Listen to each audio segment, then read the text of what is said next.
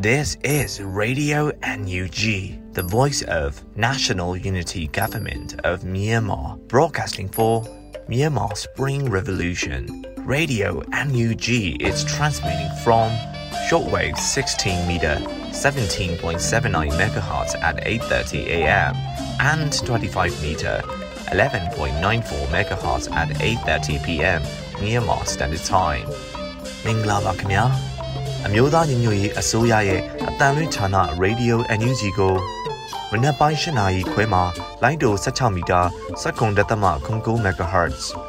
ညပိုင်း၈နာရီခွဲမှာလိုင်းတို25မီတာ17.6 MHz တို့မှာဓာတ်ရိုက်ဖမ်းယူနိုင်နိုင်ပါပြီ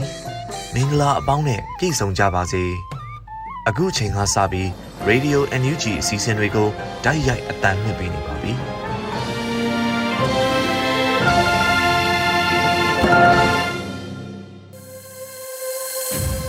မြန်မာနိုင်ငံသူနိုင်ငံသားအပေါင်းတဘာဝပြီးဆရာနာရှင်ပြီးတို့ကနေကင်းဝေးပြီးကိုစိတ်နှပါဘေးကင်းလုံခြုံကြပါစေလို့ရေဒီယို NUG ဖွယ်သားများကဆုတောင်းမြတ်တာပို့သလာရပါတယ်။အခုချိန်ကစပြီးရေဒီယို NUG ရဲ့ညပိုင်းသတင်းတွေကိုတော့အေရီကဖတ်ကြားတင်ပြပေးတော့မှာဖြစ်ပါတယ်ရှင်။မင်္ဂလာပါရှင်အခုချိန်ကစပြီး Radio NUG ညပိုင်းပြည်တွင်းသတင်းတွေကိုတင်ပြပေးတော့မှာဖြစ်ပါတယ်။ အခုတင်ပြပေးမယ့်သတင်းတွေကိုတော့ Radio NUG သတင်းတာဝန်ခံနေနဲ့ခိုင်လုံတဲ့မိဖက်သတင်းအရင်းမြစ်တွေကနေအခြေခံထားတာဖြစ်ပါတယ်။ကျွန်မကတော့ Airy ပါရှင်။ပထမဆုံးအနေနဲ့ကမ္ဘောဒီးယားနိုင်ငံဝန်ကြီးချုပ်ရဲ့မြန်မာခီးစဉ်နဲ့ပတ်သက်ပြီးပြည်ထောင်စုလွှတ်တော်ကိုစားပြုကော်မတီရဲ့သဘောထားထုတ်ပြန်ချက်ကိုတင်ပြပေးကြပါမယ်။ ဇန်နဝါရီလ9ရက်နေ့ကနေ10ရက်နေ့အထိမြန်မာနိုင်ငံကိုလာရောက်မဲ့ကမ္ဘောဒီးယားနိုင်ငံဝန်ကြီးချုပ်ရဲ့ခီးစဉ်နဲ့ပတ်သက်လို့ပြည်ထောင်စုလွှတ်တော်ကိုစားပြုကော်မတီ CRPH ကဇန်နဝါရီလ9ရက်နေ့ရက်စွဲနဲ့သဘောထားထုတ်ပြန်ချက်တရက်ကိုထုတ်ပြန်လိုက်ပါတယ်။အဲ့ဒီသဘောထားထုတ်ပြန်ချက်အပြည့်အစုံမှာမြန်မာနိုင်ငံသို့လာရောက်မည့်ကမ္ဘောဒီးယားနိုင်ငံဝန်ကြီးချုပ်၏ခရီးစဉ်နှင့်ပတ်သက်၍သဘောထားထုတ်ပြန်ချက်1 မြမအာနာသိန်းစစ်ကောင်ဆောင်ဗိုလ်ချုပ်မှုကြီးမင်းအောင်လှိုင်၏ဖိတ်ကြားချက်အရကမ္ဘောဒီးယားနိုင်ငံဝန်ကြီးချုပ်ဆမ်တက်အာကာမိုဟာဆန်နာဖက်ဒေတက်ခိုခွန်ဆန်ခေါင်းဆောင်နဲ့အစစ်မြစ်ကိုယ်စားလှယ်အဖွဲ့သည်မြန်မာနိုင်ငံသို့2022ခုနှစ်ဇန်နဝါရီလ9ရက်နေ့မှ10ရက်နေ့အထိလာရောက်လည်ပတ်မည်ဖြစ်ပြီးနှစ်နိုင်ငံပူးပေါင်းဆောင်ရွက်ရေးကိစ္စရပ်များနှင့်အာဆီယံအဖွဲ့၏တိုးတက်မှုများအပေါ်တွဲဆုံဆွေးနွေးမည်ဖြစ်ကြောင်းထုတ်ပြန်ထားသည်ကိုသိရှိရပါသည်။နှစ် 2021ခုနှစ်ဖေဖော်ဝါရီလ1ရက်နေ့မှစ၍မြန်မာပြည်သူများအပေါ်၌လူမဆန်သောအကြမ်းဖက်မှုများနှင့်လူသားမျိုးနွယ်အပေါ်ကျူးလွန်သည့်ရာဇဝတ်မှုများကို၎င်းတို့အာဏာတည်မြဲရေးအတွက်ရည်ရွယ်ချက်ရှိရှိလှုံ့ဆော်နေသည့်အာဏာသိမ်းစစ်ကောင်ဆောင်များနှင့်တွေ့ဆုံဆွေးနွေးမည်2022ခုနှစ်အတွက်အာဆီယံ၏အလှည့်ကျဥက္ကဋ္ဌဖြစ်သူကမ္ဘောဒီးယားဝန်ကြီးချုပ်အနေဖြင့်မြန်မာပြည်သူများ၏ဆန္ဒသဘောထားနှင့်ဒီမိုကရေစီအတွက်ကြိုးပမ်းအားထုတ်မှုများကိုလေးစားလိုက်နိုင်ရန်အထူးတိုက်တွန်းပါသည်။ 3မြန်မာနိုင်ငံ၏ဖြစ်ပေါ်နေသောပြဿနာများသည်အတ္တဆန်သောစစ်အာဏာရှင်မင်းအောင်လှိုင်နှင့်စစ်ကောင်းဆောင်များကြောင့်သာဖြစ်ပွားခဲ့ရခြင်းဖြစ်ပါသည်မြန်မာပြည်သူများအပေါ်၌ဥပဒေမဲ့ဖမ်းဆီးနှိပ်စက်တပ်ဖြတ်နေပြီးလူအခွင့်အရေးချိုးဖောက်မှုများနှင့်အကြမ်းဖက်မှုများပြုလုပ်နေသည့်စစ်ကောင်းဆောင်များအားလူအတိုက်ဝန်းမှဖယ်ကျင်ထားရမည်ဖြစ်ပြီး၎င်းတို့နှင့်တွေ့ဆုံဆွေးနွေးမှုသည်မြန်မာနိုင်ငံနှင့်ပြည်သူလူထုအတွက်အကျိုးတစုံတရာမရှိနိုင်ပါ၄ မြန်မာနိုင်ငံ၏အကျိုးစီးပွားအတွက်ထိရောက်သည့်တွဲဆုံဆွေးနွေးမှုများဖြင့်ငြိမ်းချမ်းစွာအပြေရှာနိုင်ရေးအာဆီယံခေါင်းဆောင်များကသဘောတူညီထားသည့်ဘုံသဘောတူညီချက်၅ချက်အပေါ်လုံးဝပူးပေါင်းဆောင်ရွက်ခြင်းမရှိသည့်အာနာသိန်းခေါင်းဆောင်နှင့်တွဲဆုံဆွေးနွေးမှုအပေါ်မြန်မာပြည်သူများကအလွန်ဒေါသထွက်လျက်ရှိပါသည် မြန်မာနိုင်ငံ၏အိမ်နီးချင်းနိုင်ငံတစ်နိုင်ငံဖြစ်သည့်ကမ္ဘောဒီးယားနိုင်ငံအနေဖြင့်တည်ရှိပြီးသောဆက်ဆံရေးကောင်းများနှင့်တိဆောက်ထားခဲ့သည့်နှစ်နိုင်ငံပြည်သူများအကြားချစ်ကြည်ရင်းနှီးမှုများကိုထိမ့်သိမ်းသွားရန်တိုက်တွန်းပါသည်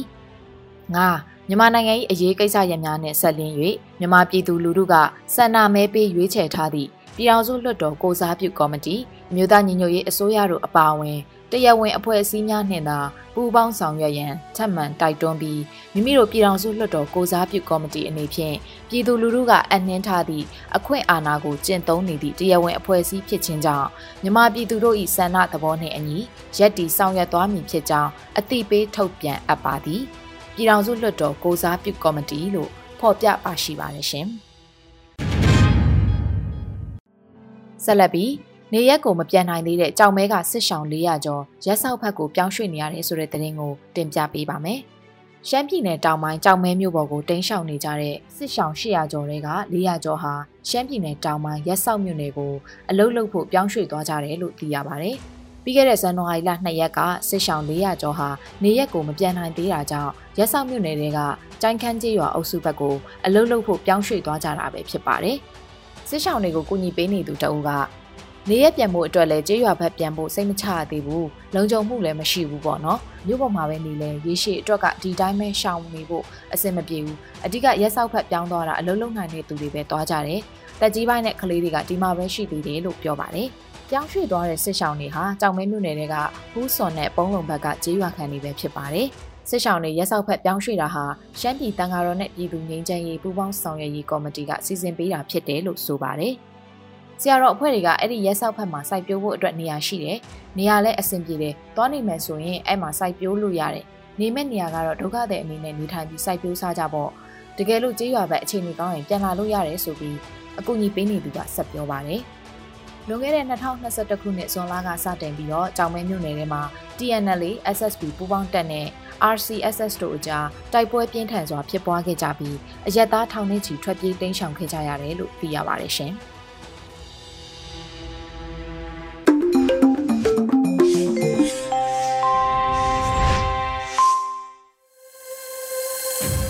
Radio NUG မှာဆက်လက်အသံလွှင့်ပြနေပါတယ်။ဒီနေ့ရဲ့နိုင်ငံရေးစကားဝိုင်းစီစဉ်မှာနောက်ဆုံးကောက်ရိုးတညင်းလို့အမည်ပေးထားတဲ့နိုင်ငံရေးစကားဝိုင်းကိုတော့ဦးမင်းကိုနိုင်နဲ့ဦးမြေဖုံးလက်တို့ကတင်ဆက်ပေးတော့မှာဖြစ်ပါတယ်ရှင်။ Sorry Simon မင်္ဂလာပါဗျာကျွန်တော်လည်းဒီနိုင်ငံရေးအပြောင်းလဲတွေနည်းနည်းရှိလာတော့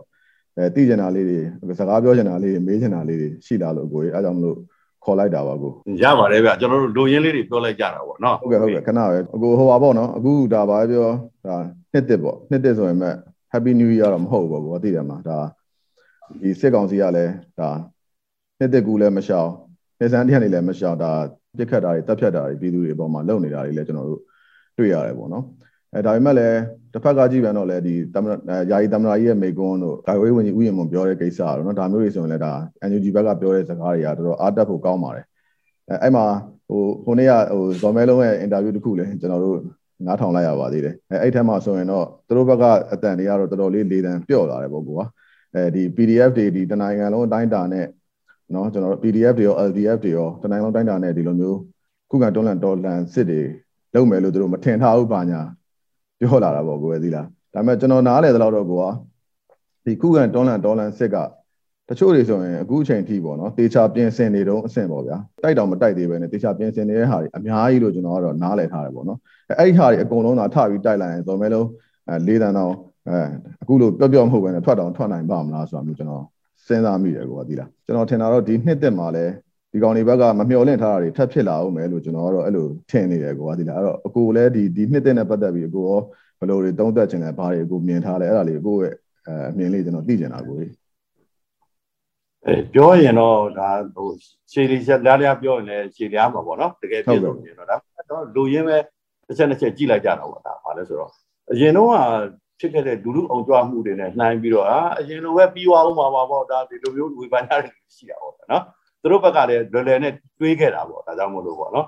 ဇာနာတော့ပြမပုံကရဲဆက်သက်ပြစ်လိုက်ရင်လည်းပြီးတာပါပဲလို့ထင်ခဲ့တယ်မဟုတ်တော့ဘူးဘာဖြစ်လို့လဲဆိုတော့ကျွန်တော်တို့ကပြည်သူတွေကအတက်ပြသူတို့ဘက်ကအကြပသွားပြီဒီနှစ်ကဒါပို့ပြီးတော့ဒါကိုထင်ရှားသွားလိမ့်မယ်ဆိုတော့ကျွန်တော်တို့ကအရင်ဟာအရင်ရေတော်ဘုံနဲ့မတူတာကစဉ်းစားကြည့်ဥပမာအနည်းဆုံးကျွန်တော်88နဲ့ရှင်းပြီးတော့ပြောမယ်ပေါ့နော်အဲ့ဒီတုန်းကအခင်းအကျင်းကသူကဟိုနှစ်ပိုင်းပေါ့ဗျာဟိုလက်နဲ့ကန်ပြီးတော့ပြန်ပြီးတော့တော်လာတာရှိတယ်ဒီမြို့ပေါ်မှာပဲ အဲ့ဒီရွေးကောက်ပွဲဝင်ပြီးတော့ပြောင်းလဲမယ်ဆိုတဲ့ဟာမျိုးရှိခဲ့တယ်ဒါပေမဲ့အများစုကြီးကအဲ့ဒီမြို့ပေါ်ကဟိုကြိုးပမ်းမှုတွေမှာပြည်သူကလိုက်ခဲ့ရတာဗျာဘာလို့ဆိုတော့ဒီလက်နက်ကင်တော်လာရေးအတွက်ကိုဘယ်သူတွေကထောက်ပံ့အားပေးပါလဲဆိုတဲ့ကိစ္စရှိတာဟုတ်ဗျာနော်အဲ့ဒါဒါတော့တကယ်ဝန်ခံရမှာလေဆိုတော့အခုခုမတူတော့တဲ့အချက်ကကျတော့ကျွန်တော်တို့မှာပိုတာတာရွေးကောက်ပွဲရပြီးပါပြီရလက်ကြီးရှိပါပြီဒါဒါကောင်းတဲ့အချက်ကြီးတယ်နော်ပြည်သူလူထုရဲ့အဆုံးဖြတ်က ပေးထားပြီးသားနောက်တစ်ခုကကြတော့ကျွန်တော်တို့ဘက်မှာ CRPH ပေါ်လာတယ်ဗျာနော် NUCC ခေါ်တဲ့ဒီအမျိုးသားညီညွတ်ရေးအတွက်အတိုင်းအမြံကောင်စီပေါ်တယ်အဲ့ဒီမှာကနေပြီးတော့ NUG ကိုဖွဲ့နိုင်တယ်ဗျာဟိုကဒါနဲတဲ့အောင်မြင်မှုတွေမဟုတ်ဘူးပြည်သူတွေအကုန်လုံးပူးပေါင်းခဲ့လို့노ကြခဲ့လို့ရတာဒီရလက်ကြီးကအကြီးကြီးအဲ့ဒါက तू ကအဲ့ဒီသုံးခုတော့လည်းအလုပ်တွေကောင်းစွာလုပ်နေနိုင်ပြီဗျာနောက်တစ်ခုကစဉ်းစားကြည့်ဗျာဟိုတော့ကဟိုထားပါတော့60နှစ်ကလေးကစပြီးတော့ခွန်လေးခွန်ကခွန်ဆက်တရောစစ်စစ်မျိုးသက်တရောအကုန်လုံးကဒီ အခုပတ်ဘောင်းဆုံးလုတ်ပေးနေတာဗျာเนาะခင်ဗျားတို့လူတိုင်းသိတယ်လူတိုင်းသိတဲ့လှုပ်ဝက်ချက်တွေကိုကျွန်တော်ပြောနေတာဒီဥစ္စာကတကယ်တမ်းကျတော့အဆက်အသွယ်တွေအကြံဉာဏ်တွေပေးတယ်ဗျာเนาะငွေတွေစိုက်တယ်စိုက်သူတဲ့သူတို့တွေအရွယ်ရောက်လာတဲ့အခါမှာဟိုဟာဖြစ်သွားပြီလူကြီးမျိုးဆက်ပေါ့ဗျာเนาะအဲသူတို့ကဒီကနေပြီးတော့ပြည့်စုံဝိုင်းထောက်တယ်ကိုယ်တိုင်လည်းပါတယ်အဲ့ဒီအစိုးရဒီဘက်ကကျွန်တော်တို့ပေါ့တော်လိုင်းအင်အားစုတွေမှာကိုယ်တိုင်လည်းပါတယ်ဆိုတော့ပြည်သူ့ကာကွယ်ရေးတပ်ဖွဲ့တွေဘက်ကိုကြည့်လိုက်ရင် သူတို့ရဲ့လေ့ကျင့်ရေးတွေကိုကြည့်သူတို့ရဲ့လေ့ကျင့်ရေးဆရာတွေကိုယ်တိုင်ချီးကျူးရအောင်ဇွဲတက်တီကောင်းတာဗျကြိုက်တော့မောင်းစမ်းမကြီးတမ်းမညူတမ်းလုတ်ပြပြီးတော့သူတို့တကယ်ဟိုစွမ်းရည်ပြည့်တဲ့ကျွန်တော်တို့ရဲ့တိုက်ခိုက်ရည်ပြည့်တဲ့ရဲဘော်တွေအဖြစ်သူတို့တွေရင်ဆိုင်နေကြတာဗျနော်ဆိုတော့ဗျာဟိုနယ်တွေမှာလည်းခင်ဗျားသိတဲ့အတိုင်းပဲဒေသဆိုင်ရာဟို PDF တွေရဲ့လက်စွမ်းဘယ်လောက်ပြနေလဲဆိုတာသိတယ်အရေးကြီးဆုံးအချက်ကကဘာကြီးကအခုက နိုင်မြင်းဘယ်သူလဲဆိုတာသိသွားပြီသိသွားလို့အကုန်လုံးအိတ်ထဲလိုက်နိုင်နေပြီဘယ်သူဘက်ကလောင်းမယ်ဆိုတာလည်းကဘာကြီးကထင်ရှားသွားပြီအပါပဲဒီဒီဥစ္စာဒီဒီနှစ်မှာဒါတွေအားလုံးကအဆုံးဖြတ်ပေးသွားမှာပါအရေးကြီးဆုံးတစ်ချက်က NUG ကနော်ပြီးခဲ့တဲ့နှစ်ကတော့ဒီတော်လှန်တဲ့အင်အားစုအခုကတော့သူကဗါတယ်အစိုးရအလုပ်တွေကသူလုပ်ကြတော့သူ့ရဲ့စိုးမိုးနိုင်တဲ့ဒီနယ်မြေတွေအမှအုပ်ချုပ်ရေးတွေတရားစီရင်ရဆရာဥရိပြုတွေအစဒါက NUG လည်းအစွမ်းကောင်းကောင်းပြရမယ်နှစ်ဖြစ်ပြီးတော့အောင်ပွဲအတွက် တခါတည်းပြည့်စုံတဲ့နော်လှုပ်ရှားမှုတွေအလုံးလုပ်နိုင်တဲ့နှစ်ပဲဖြစ်မှာဒါကျွန်တော်တို့ဒီလိုတေချာဘောက်ကိုကျွန်တော်တို့မြင်ထားတယ်ဟုတ်ကဲ့ကိုဟုတ်ဒီလိုပဲကျွန်တော်တို့လည်းယုံကြည်ပါတယ်အကိုပြောတဲ့အထဲမှာပါသွားတာပေါ့နော်ကဘာကြီးကလည်းနိုင်မြဲဘယ်သူလဲဆိုတာတော့သိနေပြီပေါ့နော်အဲဒါပေမဲ့တစ်ဆက်တည်းပဲကိုသွားသလားနိုင်မြဲနိုင်မြဲဘယ်သူလဲပဲမသိတာလားသူကသူဘာတွေထင်နေလဲတော့မသိဘူးကျွန်တော်ဟွန်ဆန်ဘက်ကိုနည်းနည်းလှည့်ပြီးတော့မေးကျင်တယ်အဲ့ကိစ္စကလည်းဒါမနှက်ပြန်တပတ်ခါဆိုလာရောက်လာတော့မယ်ပေါ့နော်အဲ့တော့ तू က အဲဟွန်ဆန်လာမယ်ပေါ့ကိုကသိတာဘာလာလို့မှာ तू ကဘာလာလို့မှာလဲပေါ့ तू ကမြန်မာနိုင်ငံကိုကယ်တင်မှာလားမဲအောင်လိုင်းကိုကယ်တင်မှာလားဒါပေမဲ့ तू လုံနေတဲ့လုံပေါက်ကကိုကဟိုလူကဲလို့ဒီလူကဲလို့နဲ့ तू ကိုယ်တိုင်တော့ရေတွေနစ်သွားနိုင်တယ်ပေါ့နော်အဲ့လိုအနေထားမျိုးကျွန်တော်ဒါတွေ့နေရတယ်ပေါ့နောက်ပြီးတော့ဟိုတလောက तू ဒီခရီးစဉ်မလာခင်မှာဒီဝနာမောင်လင်းနဲ့သူပထမဆုံးစတွေ့တာပေါ့နော်တွေ့ပြီးတော့သူဓာတ်ပုံတွေရိုက်သူ post တွေပါတင်လိုက်သေးတယ်အဲ့မှာဆိုရင်ကျွန်တော်တို့ဗမာတွေဝင်ဝုန်းတာပေါ့နော် မြန်မာနိုင်ငံမှာရှိတဲ့လူတွေအကုန်လုံးဝင်ဝုန်းတာဟာဟာတွေရော angry တွေရောအများကြီးပဲပြီးတော့အဲ့မှာအင်္ဂလိပ်လူတွေရောမြန်မာလူတွေရောကမ္ဘောဒီးယားလူတောင်ပါသေးတယ်အဲ့မှာဝင်ပြီး comment တွေရေးကြတာပေါ့နော်ကျွန်တော်ထင်တယ်ပြသူ့ team တစ်ခုကများသူ့အဲ့ဒါတွေဟိုဘာသာပြန်ပြီးသူ့ကိုပြရင်လေသူမြန်မာမြန်မာပြည်သူတွေရဲ့သဘောထားပေါ့နော်ပြည်သူတွေကဘယ်လိုသဘောထားရှိတယ်ပြည်သူတွေဒီဒီ main online တို့ပေါ်မှာဘယ်လိုမြင်နေတယ်ဆိုတဲ့ဟာကို तू သိမှာပဲဗျအဲဒါပေမဲ့ခတ်တာကလည်း तू ကရောဒီလိုမျိုးပြည်သူသဘောဆန္ဒကိုအလေးထားတဲ့လူမျိုးလားလို့လေ့လာပြန်တော့လဲ မဟုတ်ပြန်ဘူးပေါ့နော်အဲ့တော့ဘာဖြစ်လာလဲဆိုတော့ဒါပြည်သူတွေကတော့ရှင်းတယ်ဗျအခုဆိုရင်ဟို तू ကမင်းအောင်လိုင်းနဲ့အတူဟို तू ဓာတ်ဆန္ဒပြပွဲတွေမှာဆိုရင်ဒါမင်းအောင်လိုင်းနဲ့တူသူ့ဘုံကိုယူပါဒါမီးတွေရှုံနေကြပြီကျွန်တော်တို့ပြည်သူတွေကပေါ့နော်အဲ့တော့ကွာကျွန်တော်ကသူ့ခရီးစဉ်ကိုလည်းကျွန်တော်ကအခုနဲ့အဲအခုမေးချင်တာပေါ့နော်ဒါ तू ကဘာလာလုပ်မှာလဲ तू ကဘာဖြစ်ချင်နေရလဲအဲအဲ့လေ तू ကတော့ဖြစ်ချင်တာတခုရှိမှာပေါ့ဒါနဲ့လေ तू ဘာဖြစ်သွားနိုင်လဲပေါ့ကွာဒီကအဲ့ဒါလေးနည်းနည်းအခုဆွေးနွေးပြပါအောင်လို့ ဟုတ်ကဲ့ဟုတ်ကဲ့ဟုတ်ကဲ့လူတွေကတော့ကိုယ့်တက်ကိန်းနဲ့ကိုယ်တော့စိတ်ကူးဖဲရရင်တော့ပြည့်ဟုတ်နေပါဘောဗျာဟုတ်လားတို့အာနာရှင်တို့ရဲ့သဘောကတော့သူတို့ဖြစ်ချင်တာပဲသိတယ်ဗျာပြည်သူစံဓာနဲ့တကယ်အများသဘောတူထားတဲ့ဓမ္မပေါ့နော်ဒီတရားမျှတမှုဘက်တွေကိုသူတို့ဘယ်တော့မှမစင်လာဘူးအာနာရှင်သဘောဒါရှင်းတယ်ဟုတ်ပြီကျွန်တော်ကျွန်တော်သတိရတာလေးပြောစမ်းပြရသေးဗျာတတိယ2000 2000မပြည့်ခင်လောက်တုန်းကဗျာနော်ကျွန်တော်တို့တွေဟိုထောင်ထဲရှိနေတော့ပါဗျာဒီလိုပဲ ဟိုလူတွေကဟိုဒီတိုင်းငုံခံနေရတာကြတော့ပြန်ချရမယ်ရတဲ့နီးနဲ့ပေါ့ဗျာနော်စန့်ကျင်ကြတော့မယ်ဆိုတဲ့ချိန်မှာရာဇာလီလာမယ်ဆိုပြီးတော့ရှိဘူးတယ်ဗျသိလားမှတ်မိလိမ့်မယ်အဲ့တော့ကုလသမဂ္ဂရဲ့အထူးကိုယ်စားလှယ်အနေနဲ့တခြားလူကိုခန့်တာကိုအဲ့တော့စစ်ဆိုရလက်မခံဘူးရာဇာတိကြမှာ okay တဲ့ဆိုတော့ဟာရာဇာတိလာမယ်စောင့်လိုက်ပါအောင်ဆိုတော့ဘာအောင်စောင့်ရမှာလဲဆိုတော့ရာဇာတိလာရင်ထူးလိုက်မယ်အဲ့တော့စောင့်ကြည့်လိုက်တယ်ဘာမှမထူးမဟုတ်ဘူးခဏပြန်ရင်ထူးလိုက်မယ်ဆိုတော့ထပ်ဆောင်ကြပါဗျာနော်ကံ ဟောတော့ထူးမထူးတော့အဲ့တော့ရတဲ့အင်အားနဲ့ချချမယ်တဲ့ကကြာခုတဲ့ရာဒီလာအောင်မယ်ဘာလဲဆိုတော့လာရင်တကယ်ထူးမှာလေမထူးဘူးလာတော့လည်းတိုင်ကြည့်နေတော့အဲ့မဟုတ်ဘူးတဲ့ပြန်မှထူးမှာလေအဲ့ဒါနဲ့ပဲခင်ဗျာဗျာကျွန်တော်ကအဲ့ဒီအဲ့ဒီဒီရနေတာဗျာသိလားဘာလို့ဆိုတော့တကယ်အပြောင်းအလဲဆိုတဲ့အရာဟာညှင်းဆန်လို့မရဘူးအခုကကျွန်တော်တို့ကအဲ့ဒီအမျော်ဆိုင်ဝါဒတော့ကျွန်တော်တို့ပြည်သူမှာလုံးဝမရှိတော့ဘူးဒါဒါလေးသိနေကြတာပေါ့နော်နောက်တစ်ခုကကြတော့ခွန်ဆန်ဟုတ်ပြီ ကျွန်တော်တော်တော်လူပုဂ္ဂိုလ်တွေကြောင့်ပြောလို့မရှိဘူးဟာဒါပေမဲ့သူ့ကိုမပြောလို့မရဘူးလေသူ့ဘာလဲပေါ့နော်သူကရောဘယ်လိုလူစားလဲသူ့သမိုင်းကိုသူကြည့်လိုက်တဲ့အခါကျတော့ဗျာအတော်ဆုံးတစ်လုံးနဲ့ပြောပါဆိုသူကအာနာရှင်မဲ့လေကနော်အခုသူ့သားကိုသူပဲပြန်ပြီးတော့ဦးစီးချုပ်ခန့်တယ်အနာဂတ်ခေါင်းတော်ပါဆိုပြီးတော့မိတ်ဆက်တယ်ပြည်သူစာနာဗမာလဲပြည်သူကဘာလို့ဆုံးဖြတ်ရမှာလဲတကယ်ဗျာသူ့ရဲ့ပြိုင်ဘက်တွေဖြစ်တဲ့ဒီတီဟာနုတို့သားအဖတွေရောကျွန်တော်တို့ဒီဘက်ကဒီမိုကရေစီမှာဆမ်ရေးစီတို့ဘာလို့အကုန်လုံးကိုသူနော် ချုပ်ကန်ပြီးတော့ဆမ်ရေးစီဆိုရင်လွင့်သွားရတာပဲဒီထားပါတော့သူတို့အတ္တတွေအကုန်လုံးလုံနေတဲ့သူကဘာအနေနဲ့လာမှာလဲသူသူလာမှာဘာအနေနဲ့လဲအာဆီယံတစ်ခက်နဲ့လာမှာဒါပေမဲ့အာဆီယံလက်အဲ့ဒီလက်မှတ်ကြီးကန်ပြီးတော့ဝင်လာတဲ့အနောက်မှာဘာရှိသေးလဲဒါတာဒီနေ့နိုင်ငံရေးတွေနဲ့နိုးကြနေတဲ့လူတိုင်းသိတယ်လေကျွန်တော်တို့ပြည်သူတွေကဒီနော်ဘယ်အဖွဲ့အစည်းဖြစ်ဖြစ်ဘယ်အင်အားကြီးနိုင်ငံဖြစ်ဖြစ်ကျွန်တော်တို့ပြည်သူတွေရဲ့တော်လှန်ရေးကိုလာတော့ပုံမဖော်နဲ့နော်ပုံမဖော်နဲ့ဒါဒါဒါကျွန်တော်တို့ပြည်သူတွေရဲ့ အကောင်းဆုံးတတ်တည်ပဲရင်ဆိုင်နိုင်တယ်လက်ခံမှာမဟုတ်ဘူးတရားမျှတစွာပဲဖြစ်ရဒါဒါရှင်းတယ်နော်ပုံသာဖော်လို့မရဘူးအဲ့တော့ तू ဖြစ်เสียကလေခုနကခင်ဗျားပြောတဲ့အတိုင်းပဲသူကအခုလာကြည့်ပိုဖြစ်သွားမှာကသူ့မျက်နှာတစ်ချမ်းဒီဘက်ကစစ်ကောင်စီခေါင်းဆောင်ရဲ့မျက်နှာတစ်ချမ်းနဲ့အဲ့ဒီနှစ်ခုပေါင်းမှတစ်မျက်နှာဖြစ်သွားမှာဒါကဘာကြီးမှသေရုပ်ဖော်တာတိတ်တိတ်လည်းမှန်လို့အကြီးထိရောက်တယ်အဲ့တော့ तू ကဖြစ်เสียနှမျိုးရှိတယ်ဗျာဟုတ်ကျွန်တော်တို့ CNN သတင်းတော့လာတယ်ဒါပေမဲ့လူတွေကပထမညူနေတယ် အနောက်ကျတော့ तू ကအမှန်တရားကိုပေါ်ထုတ်သွားတော့ तू तू ဟိုဟာပေါ့ तू ရဲကောင်းဖြစ်သွားတယ်နော်ဒါကတပိုင်းနော်နောက်တစ်မျိုးကကြီး Israel lobby တကဘာလို့ပတ်ပြီးတော့သုစားဒီကွဲမှာအပွဲကြီးစိတ်ကောင်းတော့အဲ့တော့သူကဖြစ်ချင်းဖြစ်ရင်ဒုတိယအမျိုးသားပဲဖြစ်เสียရှိတယ်ဘာလို့စိတ်စေတနာကရှင်းတယ်လေနော်အဲ့တော့ तू ကခဏမေးတယ်မိကွန်တိုင်းပဲပေါ့သူတစ်ပါးကိုကယ်မလားကယ်ရင်လည်းသူကိုယ်တိုင်မှာဟိုကနေရမယ်ကိတ်ဘာဖြစ်လဲဆိုတော့သူတိုင်းပြည်ထဲမှာလည်းဗျာစုနေပြီဗျာ သူ့ဒီကိစ္စနဲ့ပတ်သက်ပြီးတော့သူကြမှာငယ်ပြီသူ့မဟာအမားတွေသူအစွဲထွက်လာတယ်ကကျွန်တော်တို့မြန်မာပြည်သူတွေကိုသူကရန်ဆွဲငုံငုံနေတော့မှသူကတွေ့လိုက်သေးတယ်ရန်တွေ့လိုက်သေးတယ်နော်ပထမတော့သူဟိုအာဆီယံ five consensus ပေါ့နော်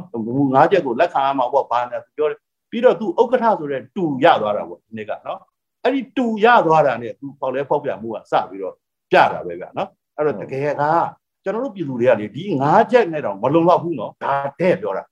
မလုံလောက်ဘူးဘယ်နောက်ဆုံးခင်ဗျဘုံနေများကြားနေတဲ့နေရာပြန်ရောက်သူတော့ခင်ဗျပေးခဲ့တဲ့အသက်တွေဘဝတွေဘာလဲဗျဒါတ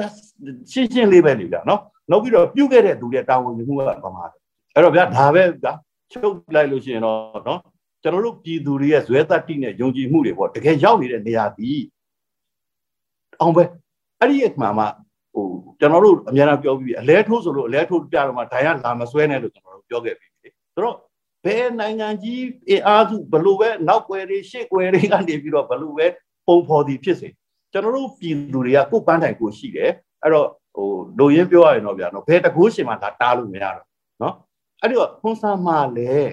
ဟိုထင်သာမြင်သာဥပမာပြောရရင်ဗျာဟိုတကဘာလုံးသိတဲ့ဥပမာပါပဲနော်ဝန်တင်တဲ့သားတွေပေါ့နော်ကောက်ရိုးထမ်းရတယ်ဆိုလို့ရှိရင်တော့မှထိုင်းထိုင်းနဲ့မသိတာဘူး အဲ့လိုပဲသူ့ရဲ့ကဘာပေါ်မှာလူတွေရဲ့မယုံကြည်မှုပြည်သူပြည်သားတွေရဲ့စန့်ကျင်မှုသူ့ရဲ့အာဏာရှင်ပြုခဲ့တဲ့အမှုတွေအဲ့ဒါတွေအလုံးဟာနောက်ဆုံးကောက်ရိုးတမြင်တင်လိုက်ရင်ခါကျိုးမဲ့လားလို့ဖြစ်နေအဲ့တော့ဒီမှာလာပြီးတော့ဒီပွဲမှာဒီစစ်ကောင်စီအုပ်စုကိုအာဏာလုတဲ့စစ်အုပ်စုကိုသူလာပြီးတော့နော်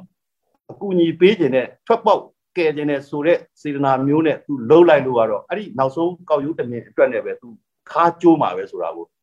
အတက်ဟောရတယ် နော်ဒါပြည်သူတွေရဲ့စတင်မှုတွေသူတွေ့ရတယ်မယ်သူပြည်သူကကျွန်တော်တို့ပြည်သူတွေရောဒေသတွင်းကရောအဲ့ဒါတွေနဲ့သူအပြည့်အဝကြုံရပြီးတော့နောက်ဆုံးအာဆီယံကိုပါသွားပြီးတော့ထိခိုက်မှာဒါရှင်းပါပြီဗျာနော်ဟုတ်ပြီဟုတ်ဟုတ်ဟုတ်ကိုဟိုပါလေအခုပြောတော့ကျွန်တော်အဲ့ဒါလေးသဘောကျတယ်ဒီနောက်ဆုံး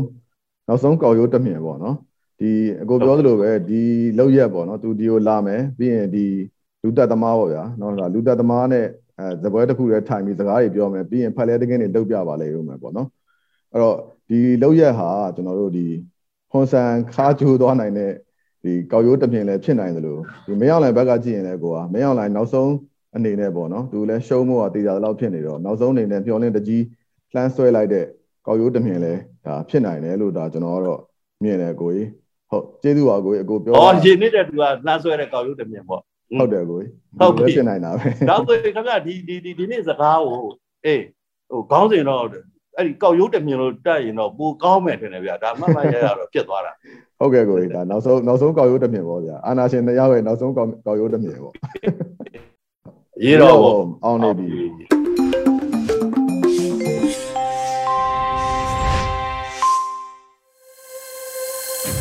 အခုဆက်လက်ပြီးနားဆင်ကြရမှာကတော့ အနာဂတ်အိမ်မက်အတွက်ကံကောင်းကြပါစေလို့အမည်ပေးထားတဲ့မုံမခဆောင်ပါကိုတော့မက်တီယာစန်းချောင်းကရေးသားထားပြီးຫນွေဦးမှုမှဖတ်ကြားတင်ပြထားပါတယ်ရှင်။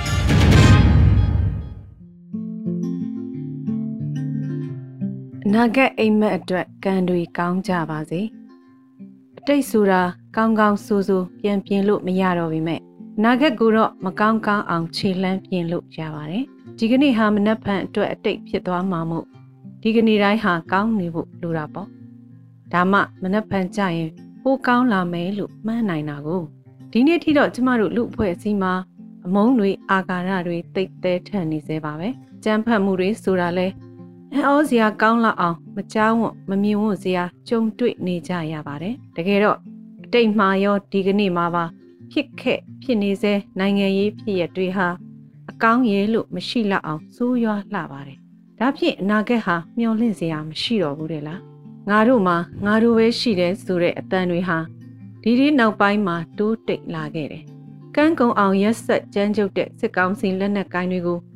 ငါတို့တယောက်ချင်းစီကလက်ဗလာနဲ့ခုခံနိုင်ဖို့ခဲရင်လာခဲ့ရကတံပြန်လက်နက်ဟာအဆုံးအဖြတ်ပေးနိုင်တဲ့အရာလို့လက်ခံခဲ့ကြရတယ်။အဲ့ဒီကနေငါတို့ဟာကဲတင်ရှင်လက်နက်ကိုင်းကိုမျော်တဲ့ အားကိုးတက်လာကြပြန်ပါပြီလား။တကယ်တော့လက်နက်မကင်နိုင်လဲငါတို့ကိုယ်တိုင်ကအနာဂတ်အတွက်ကိုယ့်ဘာသာကဲတင်နိုင်အောင် လုပ်နိုင်ကြသေးတယ်ဆိုတာမမေ့ကြရအောင်လားဟုတ်တယ်လေငါတို့မှာငါတို့ပဲရှိတယ်ဆိုတဲ့စီလုံးစိတ်စာနာစိတ်ဆိုတာမကုန်ခန်းသရွေ့တော်လန်ကြီးရဲ့အစွမ်းထက်လက်နက်တွေရှိနေအောင်ပါပဲကိုတော်လန်ကြီးသမားတွေအနေနဲ့ကိုယ့်ရဲ့အစွမ်းထက်လက်နက်ဖြစ်တဲ့နိုင်ငံကိုကောင်းစေခြင်းစိတ် လူလူချင်းတန်းတူညီမျှမှုအပေါ်အခြေခံတဲ့သွေးစည်းခိုင်ကြည်စိတ်မျိုးဆက်အချင်းချင်းကြားစာနာအားပေးစိတ်အစုအဖွဲ့အချင်းချင်းကြားသတင်းမှန်ဖလှယ်ပြီးယူဟာနဲ့ပဲချဲ့ထွင်ပူးပေါင်းမှုစနစ်ကြပြီးထိရောက်တဲ့လှုပ်ရှားခုခံမှုဒါတွေကိုလက်မလွတ်တမ်းစုပ်ကိုင်းထားနိုင်တဲ့၍ရန်သူလက်နက်ကတော်လန်ရေးကိုမတတ်နိုင်ပါဘူးတော်လန်ရေးရဲ့ဗဟိုချက်မှာနိုင်ငံရေးနဲ့စစ်ရေးဥဆောင်တဲ့အဖွဲ့တွေရှိနေတယ်ဆိုပေမဲ့ တော်လန်ရေးအတိုင်းဝိုင်းဟာနိုင်ငံရဲ့နယ်နိမိတ်ကိုတောင်ဖျက်ကျော်နေပြီးပြီပဲငါတို့ဆိုတာအဲ့ဒီလောက်ထိကိုကြီးမားကျယ်ပြန့်နေလေငါတို့ဆိုတာလူမျိုးစုဘာသာတရားနိုင်ငံရေးယုံကြည်ချက်ပါတီအသင်းအဖွဲ့အသက်အရွယ်မျိုးဆက်ဆိုတဲ့အမှတ်လက္ခဏာတစ်ခုခုရှိပြီးမတူကွဲပြားကြပေမဲ့ဒီမြေဒီရေဒီနိုင်ငံကို ကောင်းစားစေခြင်းနဲ့ဆိုတဲ့စိတ်အရာမှတော့တူကြတယ်လေ ပြည်ပမှာနှစ်ကာလများစွာနေပြီးနိုင်ငံသားတောင်ပြောင်းလဲခံယူထားကြပေမဲ့ဒီတိုင်းပြည်ကြီးကိုပဲငါနိုင်ငံလို့သတ်မှတ်နေကြတာလေနိုင်ငံသားခံယူထားတဲ့နိုင်ငံကိုတော့ငါနေတဲ့နိုင်ငံနဲ့အဲ့ဒီလိုနိုင်ငံကိုကောင်းစားစေခြင်းစိတ်ဟာမတူကွဲပြားတဲ့အမှတ်လက္ခဏာတစ်ခုခုကိုအကြောင်းပြပြီးငါတို့နဲ့တူတဲ့သူတွေကိုတော့ပိုပြီးကောင်းစားစေခြင်းနဲ့စေတနာထားတယ်ဆိုတာမျိုးဖြစ်လာပြီဆိုရင်ရန်သူရဲ့သွေးခွဲလက်နက်ဟာ အလုတ်ဖြစ်လို့ရပြီပေါ့တော်လန်ရေးကိုရိမ့်ခါစေနိုင်ပြီပေါ့ဒါကြောင့်ငါတို့အားလုံးရဲ့အနာဂတ်အိမ်မက်မှာငါတို့အားလုံးရဲ့တိုင်းပြည်ငါတို့အားလုံးတပြေးညီကောင်းစားရမယ်ဆိုတဲ့စိတ်ကူးတွေကိုမျိုးရှင်တန်နေဖို့လိုတာပေါ့တစုချင်းရဲ့အမှတ်လက္ခဏာထက်စုပေါင်းအမှတ်လက္ခဏာကိုမှအယုံအကြည်မရှိရင်ဖက်ဒရယ်ပြည်ထောင်စုမဖြစ်နိုင်ဘူးလေဒါကြောင့်အနာဂတ်အတွက်ခုကလေးကပြင်ဆင်ထားရမယ့်အထက်မှာ စုပေါင်းအမှတ်လက္ခဏာကိုရှာကြဖို့ယုံကြည်ကြဖို့ခံယူကျင့်သုံးကြဖို့ဆိုတာတွေပါတာပေါ့သူကအရေးပါပြီးငါကအပြည့်ကံဖြစ်နေရပါလားလို့တွေးနေစရာမလိုတော့အောင်ငါတို့တိုင်းကကိုနေရာနဲ့ကိုအရေးပါကြသူတွေပါပဲတာဝန်ယူထားရတာချင်းမတူတာပဲရှိမှာပေါ့လူလူချင်းဒန်းဒူညီမျှမှုအပေါ်အခြေခံတဲ့သွေးစည်းခိုင်ကြည်စိတ်မျိုးဆက်အချင်းချင်းကြားစာနာအားပေးစိတ်ဆိုတာတွေဟာ တော်လန်ရင်ရဲ့အစွမ်းထက်တဲ့လက်နက်တွေပဲလေဘာလို့များမျိုးဆက်တစ်ခုကနောက်တစ်ခုကိုတော်လန်ရင်အင်အားစုတစ်ခုကနောက်တစ်ခုကိုအထင်သေးတာရှုံချဖြစ်တင်တာတွေနင်းကန်လုပ်နေရအောင်မှလဲငါတို့ကိုငါတို့အစွမ်းကုန်ချစ်နေစာနာပေးနေကြရဲ့စိတ်ခွန်အားတွေပုံများလာမှာမဟုတ်ဘူးလားနာခဲ့ကြရင်လဲ Federal Democracy နိုင်ငံကိုတည်တဲ့အခါဒီလိုစိတ်ဓာတ်မျိုးတွေမှမရှိရင်ငါတို့အချင်းချင်းညူညင်နေရတာနဲ့တင် ငါတို့ပန်းလောက်နွမ်းလောက်တယ်လေဒီတော့ကြာရနေရာကကြာရအလုပ်ကိုလုပ်ခဲ့ကြတဲ့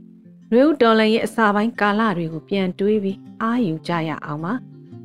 သေပြေးရှင်ပြေးပြေးသွားရသူတွေကြံရစ်တဲ့ဖက်တွေကိုစီပေးထားတဲ့သွေးစည်းစိတ်စာနာစိတ်တွေဟာအချင်းနီတန်မိုးမဲမှမဟုတ်ပဲကို့အချင်းချင်းကြားမှာအလိုက်တသိဖြည့်ဆည်းပေးဖို့ဘယ်လိုလူမျိုးကမဆိုအစင်သင့်ဖြစ်နေတဲ့သွေးစည်းခိုင်ကြီးစိတ် စာနာအားပေးစိတ်တွေဟာနာဂတ် Federal Democracy နိုင်ငံတော်ကြရင်လဲပို့ပြီးလိုအပ်အောင်ပါလေ Federal မို့ကိုနယ်မြေနဲ့ကိုဆိုပြီးတနိုင်ငံလုံးအတိုင်းအတာနဲ့ခြုံငုံတွေးတောစဉ်းစားတာမျိုးမလုပ်နိုင်ရင်သဘောဆန္ဒအလျောက်ပေါင်းစည်းတဲ့ပြည်တော်စုစိတ်တဲ့ဆိုတာဖြစ်မလာနိုင်တော့ဘူးမဟုတ်လားတကယ်တော့ခုချိန်မှာကလေးကတယောက်ကိုတယောက်လိုက်တသိချစ်ခင်ကျင်နာ စာနာအားပေးဖြည့်ဆည်းပေးကြတဲ့အလေးအထကိုလုပ်ပေးနိုင်ကြရင်နာဂတ်ပြည်တော်စုအတွက်အစင်းသင့်ဖြစ်ရကြမှာပါဒါတွေကိုလုပ်ခဲ့ကြဘူးပါတယ်လုပ်နေကြဆဲလဲဖြစ်ပါတယ်ဒါပေမဲ့အခုထက်ပိုလုပ်ဖို့လိုနေသေးတာတော့အမှန်ပါပဲရန်သူဘက်ကသွေးခွဲရန်တိုက်ပြူဟာအလုတ်ဖြစ်လာတဲ့အရေးအယောင်ပေါ်လာရင်ဒါဟာသူတို့စွမ်းလို့ထက်ငါတို့မစွမ်းတော့လို့ပဲမဟုတ်လား ဒီနေရာမှာတခါတုန်းကရေးခဲ့မှုတဲ့စာသားတချို့ကိုပြန်လည်ဖော်ပြခြင်းပါတယ်ကျမတို့ခံစားသည်မှာဒီမြေနဲ့ဒီနိုင်ငံကငါတို့ကိုပိုင်တယ်ငါတို့ဟာဒီမြေဒီနိုင်ငံရဲ့တယံစာတာပဲပိုင်ဆိုင်မှုပဲလို့ဖြစ်ကြတဲ့အခါဒီမြေဒီနိုင်ငံကြီးကောင်းမှုငါတို့ကိုယ်တိုင်ကောင်းမှဖြစ်မယ်ငါတို့ကိုယ်တိုင်တန်ဖိုးရှိနေမှဖြစ်မယ်ဒီမြေဒီနိုင်ငံရဲ့ဘယ်နေရာဒေသကအရေးကိစ္စမဆို ဘယ်လူမျိုးစုအစုအဖွဲ့ရဲ့အရေးကိစ္စမဆိုငါနဲ့သက်ဆိုင်တယ်ငါမှတာဝန်ရှိတယ်ငါကဒီနိုင်ငံရဲ့ပိုင်ဆိုင်ခံထားရတဲ့နိုင်ငံသားမှုတနိုင်ငံလုံးရဲ့ပြဿနာတွေကိုငါသိထားမှဖြစ်မယ်ငါနားလည်ထားမှဖြစ်မယ်ငါအပြုမူအပြောအဆိုအတွေ့အကြုံတွေကြောင့်ငါကိုပိုင်ဆိုင်ထားတဲ့ငါနိုင်ငံမှာပြိပက္ခတွေပြဿနာတွေမဖြစ်စေရဘူးစတဲ့စတဲ့ခံစားသည့်တွေပေါ်ထွက်လာမှာဖြစ်ပါတယ်။တနည်းအားဖြင့် ပိုင်ဆိုင်ခံထားရသူနေရာကနေပေးဆက်လိုစိတ်တွေသာပိုများလာမှာဖြစ်ပါတယ်။ငါလှုပ်ပေးလို့ငါနိုင်ငံကောင်းစေမယ်ဆိုတာထက်ငါနိုင်ငံကောင်းမှုငါကောင်းမှဖြစ်မယ်။ငါကောင်းကောင်းလုပ်မယ်ဆိုတဲ့ခံစားသည်ဟာတာဝန်တည်ပြီးတက်ကြွတဲ့နိုင်ငံသားစိတ်ရဲ့အခြေခံလည်းဖြစ်ပါတယ်။အဲ့ဒီစိတ်တဲ့အခြေခံဟာဘယ်လိုလူမျိုးဖြစ်ပါစေဘယ်လိုဘာသာကိုကိုးကွယ်သူဖြစ်ပါစေဘယ်လိုပါတီဝင်ဖြစ်ပါစေ ဘယ်လိုအသက်မွေးဝမ်းကြောင်းရှင်ဖြစ်ပါစေဒီနိုင်ငံရဲ့ပိုင်ဆိုင်မှုတွေပဲမို့ဘယ်သူတဦးတယောက်ကိုမှအဆုံးရှုံးမခံနိုင်ဘူးဆိုတဲ့ဒန်းနူညီမြတန်မိုးထားတဲ့ခံစားသိကိုလည်းမွေးဖွားပေးနိုင်မယ်လို့ယူဆပါတယ်ဒီတော့အနာဂတ်ဟာမျောလင့်စရာတွေနဲ့ပြည့်နှက်နေပါတယ်ဘာလို့လဲဆိုတော့တော်လန်ရေးဟာစစ်အာဏာရှင်ပြုတ်ကြယုံနဲ့ရက်မသွားဘူးလို့ကျမတို့ငါတို့ကပဲဆုံးဖြတ်ခဲ့ကြတာမဟုတ်လားအခိုက်အတန့်မှာ အခက်အခဲတွေအကျက်အတဲတွေရှိမှာပေါ့ငါတို့ရဲ့အိမ်မက်ကကြီးတာကိုအနာဂတ်အတွက်ဒီကနေ့လုံနိုင်တာတွေလည်းအများကြီးပဲမဟုတ်ဘူးလားတခါတုန်းကကျင်သုံးခဲ့ဘူးကြတဲ့အထဲကကောင်းနိုးရာရာနဲ့နာဂတ်အတွက်အထောက်အကူပြုမဲ့အတွေးအပျော်အလုတ်ဆိုတဲ့ကံသုံးပါးကိုဒီကနေ့လုံနေကြဖို့ကသာလူရင်းပါပဲကံကောင်းပါစေဆိုတာဆူတောင်းမှမဟုတ်တာတတိပေးစကားပါလေ အတိတ်ကကံမကောင်းခဲ့ပြီမဲ့ဒီကနေ့ကျမတို့ငါတို့အားလုံးရဲ့ကာယကံဝစီကံမနောကံတွေကိုအနာဂတ်အကျိုးအတွက်အလို့ငါအကောင်းဆုံးစောင့်ရှောက်ကျင့်သုံးရမယ်လို့ငါတို့အချင်းချင်းတတိပေးကြရအောင်လေငါတို့ကံတွေကောင်းကြပါစေ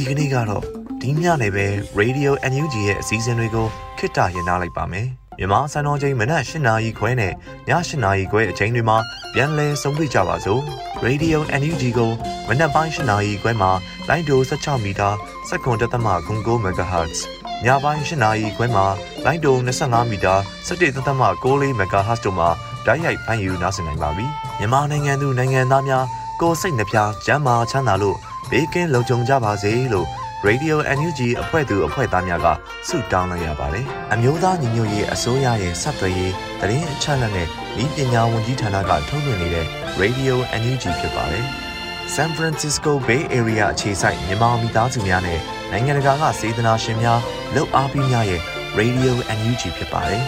။အရေးတော်ပုံအောင်ရမည်